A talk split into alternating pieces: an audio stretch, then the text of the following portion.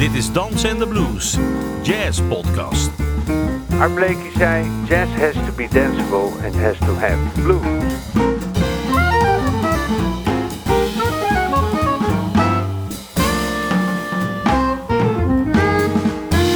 Je luistert naar een aflevering van Dansen en de Blues. Een podcast over jazz met kleurrijke gasten, indringende gesprekken, sterke verhalen en vooral swingende muziek.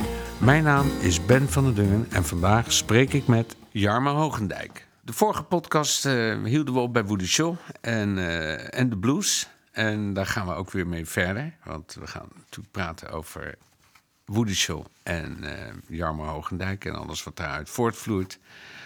We gaan luisteren naar een blues van Woody Shaw.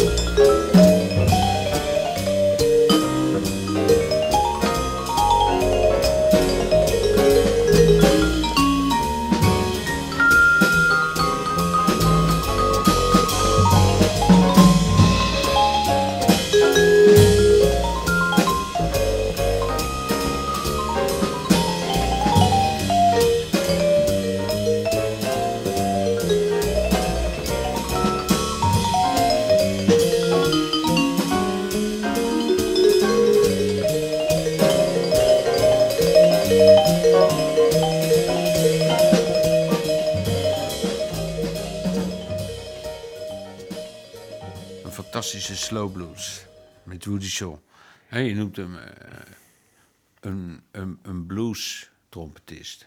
Hè, eigenlijk Ja. zeg je, je bedoelt daarmee eigenlijk zwarte traditie, de hot jazz Ja. vanuit Armstrong, Roy, Ja. Roy Eldridge, Fats and Vero. Ja. Dus ga zo maar door. Dat Ja. bedoel je toch? Ja, en wat ik ook mee bedoel, dat het, eh, dat het veel verder gaat dan welke noot en welke timing. En hoe je een akkoord aan- aanpakt en dergelijke. Het is, het is een, een, gevoel, een manier van jezelf uitdrukken. Ook een manier van een verhaal vertellen, denk ik. En het heeft vooral met trompet, maar ik denk bij elk instrument veel te maken met eh, het ritmische idee eerst en, en, en de noot is secundair. De manier waarop je een trompet een, een, eh, een noot aanzet, dat kan op zoveel manieren. En ik denk dat Wo- Woody misschien wel het grootste palet aan articulaties eh, in huis had. Ja. Van die shaking vibrato, waar je gewoon altijd die echo van Louis Armstrong blijft horen. Ja, en dan die shake erbij, hè? ja, en het is, het is ook geen toeval dat Woody zijn zoon Woody Louis Armstrong Shaw heeft genoemd. Nou, dat is hem... eh, Die zal zo genoemd worden. ja, ja, zware taak ligt voor je weggelegd. ja, dat is. Oeh. Ja. Ja, wat vond hij er zelf van? Zijn ik, naam. ik, ik, ik, heb, ik heb het daar vaak met hem eh, over gehad, met, met de jonge Woody. Ik, ben, ik heb af en toe contact met hem. Hij vertelde dat eh, zijn moeder, Maxine, die toen management deed voor, voor Woody Shaw en later voor Dexter Gordon, die zei tegen haar man Woody van, nou, eh, dat is wel een hele heavy naam voor zo'n klein babytje. En toen zei hij, eh, don't worry, he will grow into it. Uiteindelijk is eh, Woody Junior, of eh, Woody 3, Woody the Third, moeten we eigenlijk zeggen, is eh jazzdrummer geworden. Hij heeft eh, in New York gestudeerd, op die school waar David Liebman ook les geeft. Ik heb hem daar ook leren kennen op zo'n eh, zo'n zo'n internationale conferentie van, Ja. van scholen voor jazz en dergelijke. Toen heb ik kennis met hem gemaakt. Heb ik hem het verhaal verteld over zijn vader, die zijn, ongeveer zijn laatste periode hier in Nederland sleet en dergelijke. Dat was, was een hele emotionele ontmoeting, was dat heel mooi ook. En toen zei hij, eh, toen had ik het over zijn carrière. En eh, hij is een hele goede drummer. Maar het was me duidelijk dat hij eh, op zijn leeftijd, hij was toen al 27 of zo, dat hij daar- daar nog niet echt een enorme naam had gemaakt. En zaten we daar zo eens over te brainstormen met z'n tweeën. Hij zegt: Ja, weet je wat het is, Jarmo? Ik heb vanaf dat ik twee weken oud was, liep ik al rond te gillen in de, in de Village Vanguard. Of e- eerst in de wieg. Hij zegt: Ik heb daar iedereen gezien. Ik heb iedereen bij ons thuis over de vloer gezien. We hebben iedereen begraven. Ik ben eh, voor- eh, eerst mijn stiefvader Dexter Gordon kwijtgeraakt... en toen mijn biologische vader Woody Shaw. De- eh, in 89 en in 90 achtereenvolgens. Ik heb alle ellende gezien die, die drugs en drank kunnen aanrichten. Ja. Ik, het, het, het, ik speel heel graag af en toe een gig... maar die hele wereld trok me eigenlijk niet zo. Voor mij was het al helemaal niks, niks bijzonders meer toen, toen ik begon met spelen. Ja. Het is wel heavy eigenlijk, hè? Ja, ik kan het me wel Ja. voorstellen. Ja. Dat je eigenlijk... eh, eh, ja, de, om, de omgeving van die muziek... eh, dat je daar wel op een gegeven moment genoeg van hebt. Die muziek niet, dat blijft altijd. Ja. Maar Ja, ja, die omgeving. Ja, waarom zou je dat nou ook nog eens een keer moeten meemaken? Ja. En hij is toen rechten gaan studeren en hij heeft zich gespecialiseerd in copyright. En eh, hij is. eh, je kunt hem consul- eh, consulteren als je een plaat opneemt of we- weet ik veel wat over copyright. Dan kan hij je daarin adviseren. Dat is een beetje zijn specialiteit geworden. En af en toe snappelt hij. Even terugkomend op, op, op zelf. Hè. Ik, bedoel, ik ken je heel lang. Op een gegeven moment slaat het in. Maar wanneer was dat? En waarom? Ehm, ne- 1985. Ik weet niet of jij daarbij was. Het, is, te lang geleden om, dat te herinneren. Maar ik ging naar de kleine zaal in de Doelen in Rotterdam, waar Wim Wicht eh, zou daar het, eh, het quintet van Freddie Hubbard eh, presenteren. En dat kon last minute om wat voor reden dan ook niet doorgaan. En toen heeft hij het quintet van Joe Farrell en Woody Shaw daar neer kunnen zetten. Als infoband niet eh, slecht. Nee. Ik denk ook dat er niemand die avond spijt heeft gehad dat, eh, dat daar ineens een andere band stond te spelen. Dat was met Ronnie Barrage op drums, wat ik echt ook... Joe Farrell, hè? En Joe Farrell. Even terugkomen op Wim Wicht. Dan moet ik eventjes eh, Ah, de, de luisteraar eventjes uitleggen. Ik had al... al, al ehm, eh, daarnet had ik het ook al over hem. Eh, Wim Wicht was een impresariaat. Ja, En een, platen, eh, platenbaas die eh, ja, eigenlijk veel voor ons gedaan heeft. heel veel. Was ons zeer goed gezind. Hij was de, hij was de eerste die zei van... oké, ik maak een plaat met jullie, met ons quintet, hè? Ja, dat was door Rijn, hè? Op voorspraak van Rijn. Rijn de Graaf heeft het aangekaart. En op een gegeven moment heb ik een telefoongesprek met Wim eh, gehad. En dat verliep wat moeizaam. Maar uiteindelijk eh, eh, heeft hij het gedaan. En toen is er eigenlijk een hele leuke, zakelijke, maar ook vriendschappelijke band ontstaan. Hij, hij, hij, hij, hij moest erg om ons lachen. Hij vond het wel leuk. Twee van die blaaskaken die, over, die het goed deden.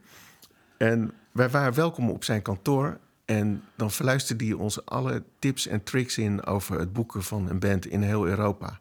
Met inclusief wat voor gages bepaalde promotors Ja, moet je je beschikking voorstellen hadden. dat je dat gewoon maar... Hè? Ja, en hij gaf ons een hele kaartenbak, eh, konden we zo kopiëren. En toen heeft hij ons ook nog in Duitsland... Heeft hij, Ja, Klaus. Klaus Ignacek, Ja. de, de Duitse pianist die zich helemaal suf snabbelde... heeft hij gezegd, hey Ben en Jarmo, kom maar even bij je langs. Ik, ik heb zoveel voor je gedaan, dan moet je even iets voor die jongens eh, doen. Toen hebben we Klaus, van Klaus allemaal adressen gekregen. Ja, vanaf dat moment was het leed niet meer te overzien. Toen speelden we elke maand een week in Duitsland. Ja, 100 concerten per jaar. Mhm. Jezus. En het leuke van, van Wim vind ik, en dan moeten we iets verder teruggaan in de tijd. Wim begon, was een student in Wageningen aan de Landbouwuniversiteit, of hoe Ja, hoe het ja, ook ja. heet. En, en zijn vrouw, meen ik ook, Ria. Ria. En zij begonnen uit hobbyisme eh, wat orkestjes te boeken. In, in 1974 zijn ze begonnen. En dat was nou precies in de tijd dat de hele wereld in de ban was, of leek te zijn, van de fusion en de jazzrock. Maar Wim had in de gaten, ja, kijk, Art Blakey, Bill Evans, Stan Getz, Woody Shaw en, eh, en, en noem maar nog eens een aantal, die spelen nog gewoon in vieren. Dus die kwam precies op het juiste moment dat niemand bezig was met dat te boeken. En dacht hij van, oké, nou, dan ga ik die gasten maar boeken. En dat is eh, een enorm succes geweest. Ja, en een gigantische collectie, hè? Hij heeft een enorme catalogus. Ja, Het is niet normaal. met- die plaat met, eh, van Manchito, met chocolade. ja, Gewoon een Grammy in de wacht slepen, hè? ja, zeker, ja. Ja. En, en, en, dan- en dan die de trio's van Cedar Walton met Biggie, Billy Higgins... die Ja. België, jezus. Het was, eh, het was eigenlijk voor, voor mensen die eigenwijs genoeg waren om niet met die modegril van de fusion en crossover. En ja, we zitten tegenwoordig ook in zo'n tijd eigenlijk. Maar de mensen die gewoon de moed hadden om gewoon lekker jazz te blijven spelen, die hadden eigenlijk de tijd van hun leven. En Wim Wicht kon het overal kwijt. Ja.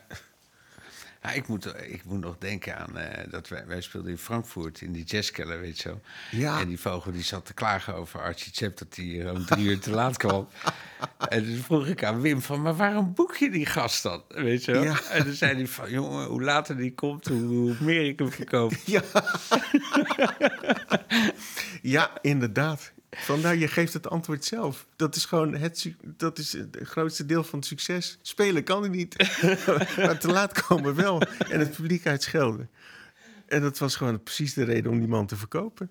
Woody Shaw die eh, heeft de laatste weken van zijn eh, hè, leven eigenlijk eh, bij jou gewoond. Hij trok eigenlijk een beetje min of meer bij je in, toch? Ja, zeker. En hoe, hoe kwam dat? Ehm, nou, nadat ik hem in 85 eh, toen in die doelen had gehoord... ben ik naar elk concert van hem gegaan... wat zich sindsdien eh, enigszins eh, binnen een bereikbare afstand afspeelde. Ook in George Jazz Café in Arnhem. Toen was je er nog bij trouwens. hè? Ja. Toen, de, de- toen heb ik me aan hem voorgesteld en toen zijn we in gesprek geraakt. En toen heeft hij gevraagd of ik een stukje op zijn trompet wat wilde spelen. En elke keer als ik ergens was, werd ik ook automatisch door iemand, door een organisator, aan hem voorgesteld. En oh ja, hey. Dus op een gegeven moment kwam, eh, kwam hij in Rotterdam te wonen. Op een groot deel van het jaar bij eh, onze grote Holland. vriend eh, Bob Holland, ja. ja. En Bob die belde dan wel eens op van... eh, joh, als je zin hebt langs te komen... Woody heeft veel zin om wat te kletsen... neem je trompet mee. Het hebben we wel eens samen zitten studeren. Hij noemde het altijd eh, let's practice together. Ik had ooit wel eens gevraagd of ik les van hem zou kunnen krijgen... en daar ging hij nooit zo op in. Maar een paar keer heeft hij gebeld dat hij zei van... hey man, eh, let's practice together. Dus ja, we raakten steeds beter bevriend. En op een gegeven moment heb ik hem een keer uitgenodigd bij mij. Heb ik voor hem eten voor hem gekookt. Zijn we naar Café de Sport gegaan. En eh, weet ik veel. Daar woonde ik toen naast in de Kazernestraat. En voor ik het wist, eh, woonde hij een aantal weken bij me. Is hij niet meer teruggegaan naar Rotterdam. Nee. En in Café de Sport heeft hij eigenlijk de laatste noten gespeeld. Voor Ja. zover je- Ja, ja, dat is absoluut waar. Hij speelde toen. eh, nou, hij, hij, hij was er fysiek niet best aan toe. Hij zegt: eh, Ja, ik wil toch wat spelen. En dat vond ik eigenlijk opmerkelijk, want hij had al, al dagen geen trompet meer aangeraakt. En toen eh, zijn we samen gaan spelen met het trio van Frans Elzen. Met Sjaak Scholz en, en Erik Ineke. Een van de stukken die ik me nog herinner, The Man I Love. En dat was echt wonderbaarlijk mooi. Echt eh, alleen maar laag en middenregister. Niet zo heel veel noten. Maar het was ontzettend mooi. En toen was het klaar. En toen liepen we eh, Café de Sport uit. En toen zeiden ja, ik denk dat dit het wel een beetje was zo. Ik heb het wel een beetje gehad. En hij heeft daarna ook nooit meer gespeeld. Hey, tragisch, hè? Ja, jij vertelde me ook dat hij, eh, dat weet ik ook nog, eh, dat hij in de Pa- Paris Re- eh, Reunion Band zat met eh, Johnny Griffin. En dat, dat hij op een gegeven moment daar ontslagen werd. ja, En omdat, ja, allerlei redenen waarschijnlijk, maar hij had problemen met zijn trompet. Hij Ja. kwam geen geluid meer uit. ja. Hij zei, hij zei van ja, they told me I, I don't sound good anymore. En ik denk van nou, dat lijkt me wat sterk. En ik, ik zeg, mag ik die trompet eens eh, bekijken? En toen merkte ik dus dat in zijn... Het is te, te tra tragicomisch voor woorden eigenlijk. In zijn mondstuk was een stukje kurk... wat losgeraakt was van die demper, van die harmoniumute. Was, eh, had, had zijn mondstuk verstopt. En ja, als dat ding eh, voor drie kwart dicht zit... komt er niet zoveel geluid uit. Dus ik heb dat ding voor hem schoongemaakt... en eh, uiteindelijk bleek er aan zijn spelen weinig te markeren. Ja, dat is een bijzondere man. Hè? Hij kwam, jij kwam met, bij hem, bij, met hem naar, bij mij thuis. Dus ik zou met hem spelen, invallen of zo. Voor, voor, voor verder dan toen in Eindhoven of zoiets. Beek was. en donk. Ja, Beek en Donk. Ja, Maar toen, ja, ik weet niet waarom jullie nou langskwamen, maar in ieder geval, ik was een beetje aan, aan, aan het werk met de subsidieaanvragen en zo. En hij moest eerst eten, moest hij zijn handen, zeg maar, weet je, die waren vettig geworden. Dus dat, eh, het eerst, hij was een beetje blind en dus een beetje zo kijken, zo voelen aan die tafel. Voelde hij al die paparassen van die subsidie en heeft zijn handen mee schoongemaakt. Ja. En vervolgens heeft hij zijn neus gesnoten in een theedoek, weet je wel. ja, never a dull moment. Nee, never a dull moment. Het- het- dus het- aan de ene kant tragisch en aan de, aan de andere kant was het ook, ook wel eens zo ontzettend komisch.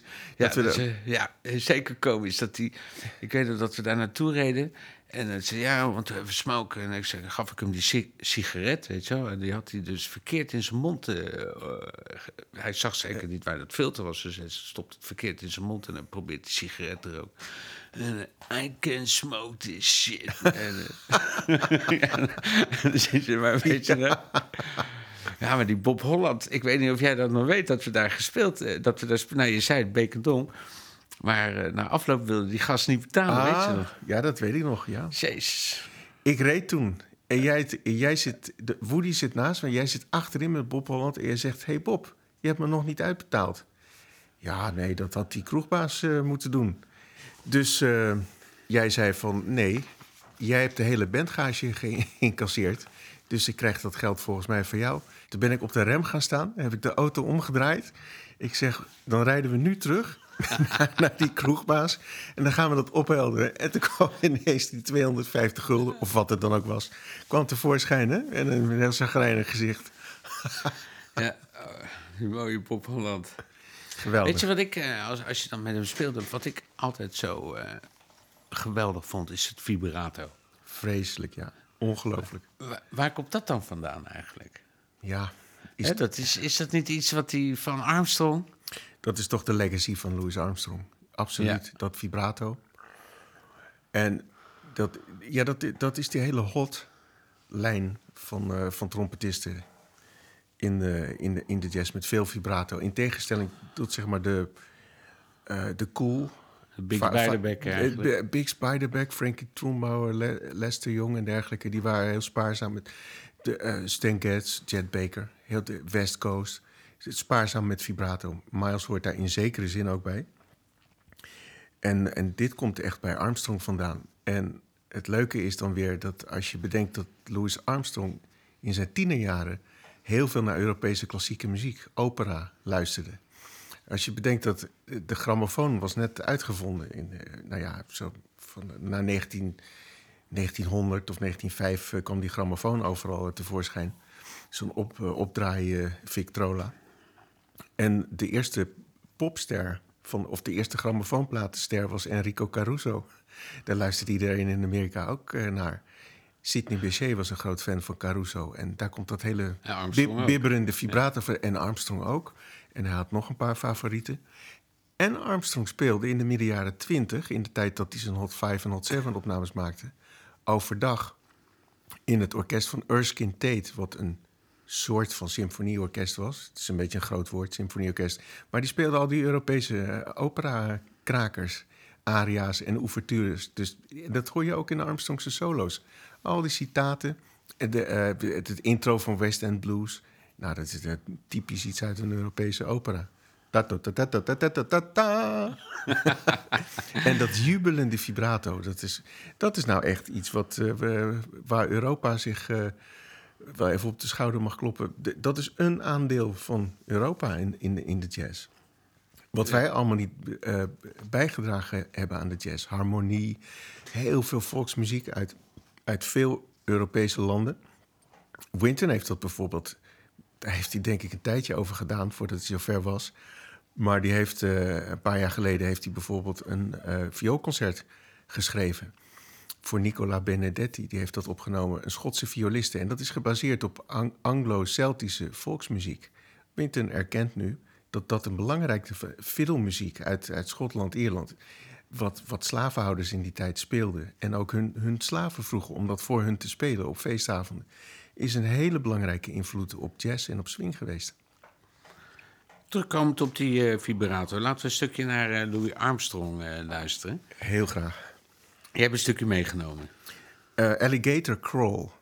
We kennen natuurlijk allemaal de Potato Head Blues en de West End Blues. En de- dat zijn de hoogtepunten. Maar wat mij betreft hoort Alligator Crawl eh, ook daarbij. Daar speelt hij een magistrale, jubelende solo. Met de Hot Seven, hè?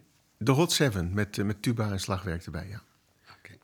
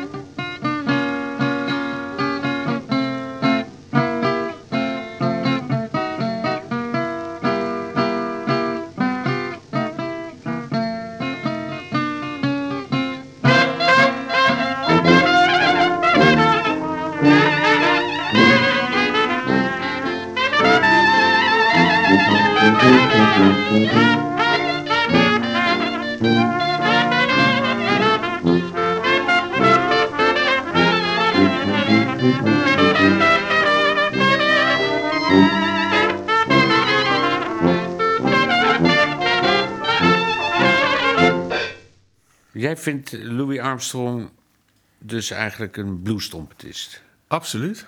En waarom? Ehm, de, het, het, het kleuren met één noot, het kleuren van een sound, het eh, buigen van de, van de pitch omhoog en omlaag, dat komt uit de blueszang vandaan. Ja. En hij was de- eh, nou niet de eerste. Buddy, Buddy Bolden eh, was een illustere voorganger. Waar geen opnamen van zijn, helaas. Maar die schijnt ook een, een heel uitgesproken scala aan verschillende sounds eh, te hebben gehad om de blues mee eh, te vertolken. Overigens, King Oliver ook. ja. Die gebruikte daar dempers voor. Ehm, en Armstrong eigenlijk niet. Die, die heb ik eigenlijk nooit op een tempo horen spelen. toch? Nou, wel eens. Maar niet, niet, niet op een manier om daar blueskleuren mee te maken. Ja. Nee, Als je het over die West End blues hebt... zo. Wat ik zo ongelooflijk mooi vind aan die opname... is dat die, hoe die zingt er doorheen. Hè? Hoe die, die chorus outline eigenlijk. Het is ongelooflijk. Het is perfect. Het is he- helemaal perfect hoe je dat zo neerzet. Die versieringen en, en, en dergelijke. En de hele harmonie ermee outlined. Hij zit gewoon maar... Dat is echt volgens mij gewoon improviseren in de grootste zin van het woord. Ja. Hij zit er heerlijk een beetje voor zich uit. eh, tenminste, die, die indruk wekt het. Hè? Je weet het maar nooit wat, eh, wat er allemaal voorbereid is en niet. Dat, eh, dat weet je soms niet. Nou ja, als je naar zijn, eh zijn oeuvre kijkt... vind ik het bijna onvoorstelbaar... de hoeveelheid stukken die hij speelt. Die kan hij toch niet allemaal gekend hebben, weet je wel? In de zin van Ja. ook nog eventjes een, een, eh, het zingen, de melodie... en Ja. dan ook nog even eh, spelen erop. En van de meeste eh, stukken dan ook zo'n versie maken... die dan eigenlijk de, de standaard is. Ja, ja dat, dat was eigenlijk zijn grote kracht. En soms zelfs van de lulligste liedjes iets maken... waarvan iedereen dacht van, oh, wat een geweldig stuk. Dat, dat, daar moest je echt voor bij hem zijn. En, en, en dan nog iets wat het eigenlijk gewoon on- ongelooflijk idioot maakt. Als je, als je realiseert dat die Hot 5 en Hot 7 eigenlijk alleen maar een studioband was... die nooit live speelde, voor zover we weten... Ja, Die gingen gewoon de studio in en die namen een aantal stukken op zo'n dag op. ja en, het niet gaat met over, editen en, en niet met... Ja. en niet editen. En het gaat, we hebben het dus over pakweg 60 eh, stukken. Die, die gewoon in de studio erop geknald zijn. Ongelooflijk. Het, ze noemen die, die, die Hot 5 en Hot 7 opnames wel eens de Rosetta Stone van de jazz. Dat zijn de, eerste grote opnames. Waar de eerste echte hele grote solist op speelt. En die hele band, als we heel eerlijk zijn... lang niet iedereen was zo geweldig in die band. Armstrong was met kop en schouders overal bovenuit. Maar ze knijsten het wel even in de studio. Allemaal, allemaal nieuwe stukken. Precies drie minuten. En solo's, dit is echt ongelooflijk. De een na de ander. En wat ik, wat ik ook grappig vind als je, als je het hebt over eh, tegenwoordig... of misschien wel de laatste 50, 60 jaar als een plaat wordt opgenomen... en je kraakt er een keer een noot naast... ja, dat is een reden om even eh, een paar maten in te dubben en, eh, en te plakken. Maar als je goed luistert naar Armstrong... hoeveel, hoeveel die eigenlijk kikst... Het is helemaal niet perfect. Nee. Totaal niet. Ongelooflijk. Laten we even naar eh, de West Blues luisteren. Dat vind ik toch leuk.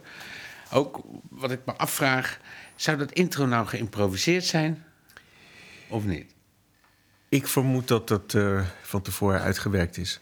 Zeker weten zullen we het niet doen. Maar ik denk dat het uitgewerkt is. Ook omdat hij later tijdens concerten dat stuk wel eens gespeeld heeft. Niet vaak.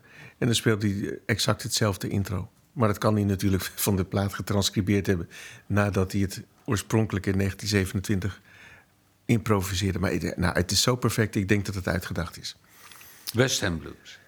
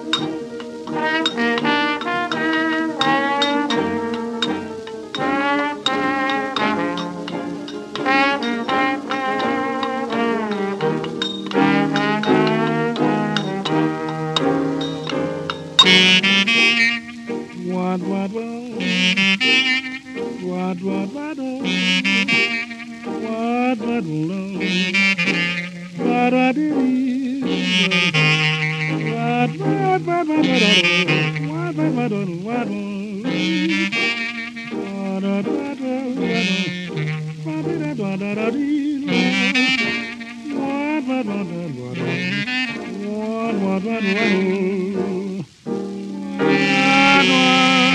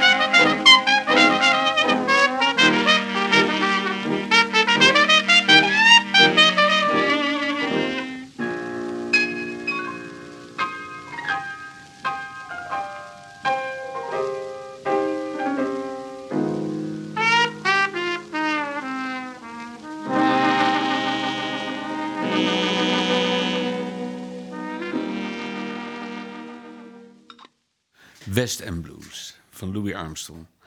De man die eh, de jazz zo bepaald heeft eigenlijk. Ja, uitvinden van de swing kun je zelfs wel zeggen. En het vertalen van eh, de gezongen blues naar de instrumentale blues. Dat is nogal wat als je dat eh, op je geweten hebt. Maar hij is niet de enige. Nee. Nee, als we het dan toch hebben over blues en over trompet en bepalend zijn, dan moeten we zeker Miles noemen. Omdat die eigenlijk als eerste in staat geweest is om, zoals Gil Evans dat een keer zegt in een interview, he was the first one to change the sound of the trumpet since Louis Armstrong. En daar bedoelt hij mee het, het, het omvloerste geluid. eh, heel weinig vibrato, soms zelfs helemaal geen. Ehm, eh, een totaal andere sound. Een andere aanpak, een andere manier om, om, om, om te kleuren. Maar wel, als, als hij het op zijn heupen kreeg, een ongelofelijke biting attack. Miles was ongelooflijk sterk eigenlijk. Alleen hij liet het eh, driekwart van de tijd niet zien. Nou, wat ik eh, bijzonder vind aan, aan Miles als een extra component, wat zo be- bepalend is geweest, ook waarschijnlijk voor zijn ontwikkeling, is dat hij een- in tegenstelling tot, tot Armstrong een ongelofelijke neus had voor de mensen die hij uitkoos. Ik bedoel, Louis Armstrong die speelde eigenlijk met iedereen. Ja, er, is eigenlijk veel aan te merken op bezettingen waar, waar Armstrong mee gespeeld Ja. heeft. Door zijn hele leven heen eigenlijk. Ja, als je nou naar de West End Blues luistert, dan hoor je die. Hè, dat is geen vergelijk. Op Nee. het moment dat Armstrong begint. Ja, het is eigenlijk alleen Earl Hines die zich met hem kan meten. En Ja, de rest, je- eh, ja. En, en Miles, ja, die heeft toch gewoon een soort bondscoach-achtige kwaliteit. Die de, Ja. de beste all-star bezettingen maar bij elkaar verzint waar je bij staat. Ja, Het is niet iedereen gegeven, zo'n talent, moet ik zeggen. nee. Hij had ook wel het geluk dat iedereen bij hem wilde spelen. Mensen dienden zich ook aan. Dat, dat komt er ook wel bij kijken. Maar dan is het natuurlijk toch een kwestie van... ja, zou die er wel bij passen? En als ik die in de band haal, dan moet ik die ook vervangen. En dat soort dingen was hij vrij geniaal in. Ja, en, dan ook keer op keer. Want eh, dan eerst met, eh, met Coltrane, dan met Wayne Shorter en eh, Tony. en dan duikt hij opeens de 70 jaar in. Nou, ja, hij was toch niet een popster. Nee. Hij wist niet waar hij dat vandaan moest halen eigenlijk. Nee. En ik, ik, ik wat, ja, nou je dat toch aanstipt. Ik heb zelf nooit gevonden dat, dat Miles nou zo'n vernieuwer was. Maar hij had wel een neus voor, voor wat populair was en waar hij bij in moest haken. En hij was zo slim dat die mensen deed geloven alsof hij het zelf had uitgevonden. dat vind ik eigenlijk ook een kwaliteit waar, waardoor ik ontzettend van die man hou. If you wanna be a star, act like one. hè? Ja, precies, die. Ja. En eh, eigenlijk die hele jazzrock, joh, daar had hij toch, daar had hij toch eh, John McLaughlin en, en Billy Cobham en Joe Zawinul en dat soort ga- gasten voor in zijn band. Bedoel, dat was nou niet iets, dat was nou niet zo zijn, zijn specialiteit. Ja, maar toch is, zit er een verschil in tussen die gestructureerde jazzrock en, en Miles. Want de eerste keer dat ik hem, eh, Ja. eh, zeg maar, eh, hoorde daarmee, dat, toen was ik zelf nog helemaal niet eens bezig met jazzmuziek. Toen kocht ik allemaal rockplaten. Dat was Live at the Isle of Wight. Ah, ja, Ja, ja. dat is gewoon een soort oerachtige uitbarsting van, van, van Ja. beats en geluid. En Ja. dat kan je, het is niet die gestructureerde jazzrock eigenlijk. Nou, de- daarom hou ik ook het meeste van Miles' zijn eerste elektrische eh, periode, zeg maar de eerste helft jaren zeventig. Dat van daarna was wel een beetje glad geproduceerd en, en, en, en gelikter. Maar de ruigheid van die eerdere opnames, die vind ik echt ongelooflijk. En hij was trompetistisch ook op, op zijn aller, aller, aller sterkst. De hoge geest vliegen om je oren.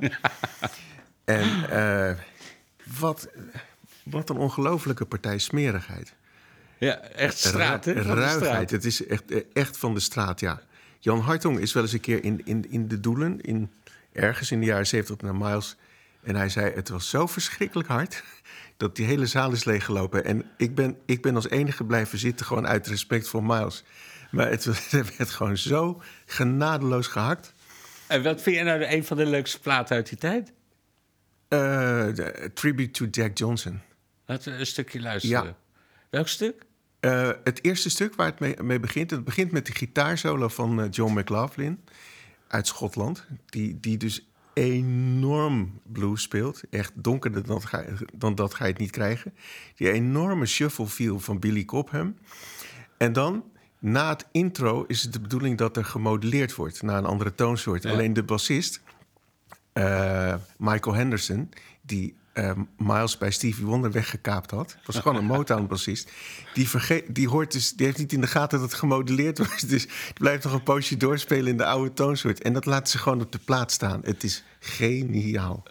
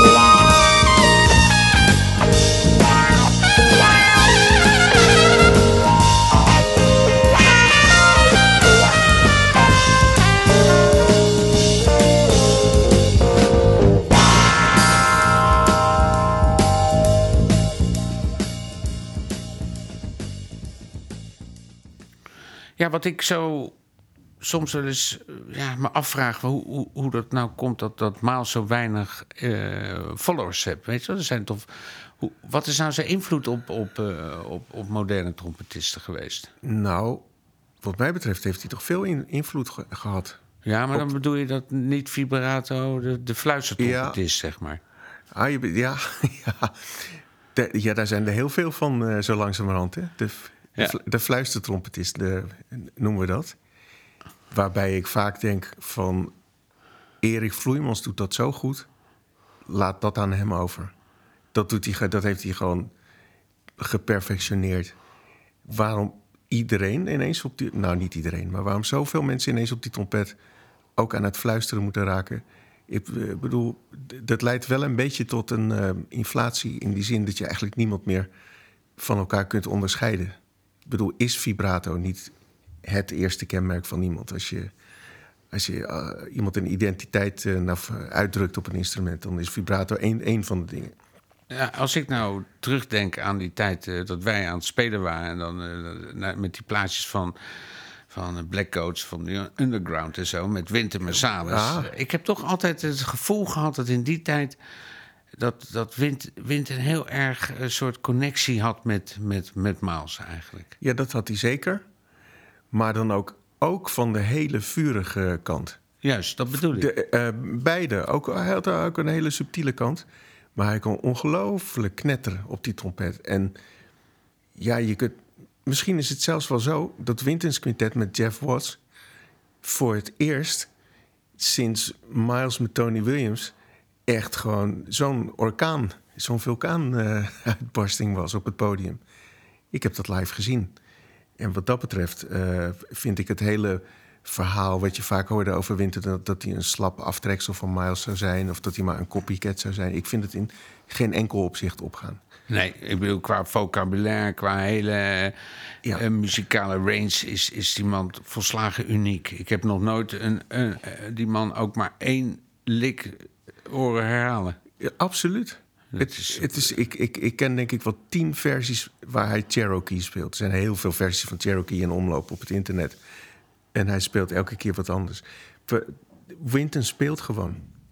De ideeën stromen gewoon. Laten we even gaan luisteren naar Winter. Wat zou je willen opzetten? Nou, dan denk ik aan zijn, eh, zijn tweede soloplaat, Think of One. Dat eerste stuk, ehm, No Smoking, dat, eh, met- Jeff Watts. En, en Winton die gewoon in, in de fik staan. Wat bedoel je met in de fik? nou ja, gewoon eh, swim or sink, alles of niets. Alsof het onze laatste dag is, hè? En dan in een studio. Dit vind, vind ik, dat komt er ook nog eens een keer bij. Hè? Als je dat in een studio voor elkaar krijgt, is nog wat anders dan live. Ja. ja, toen ik hem voor de eerste keer hoorde de- live met, eh, met, met Tony en Her- Herbie Hancock. Nou, dat was...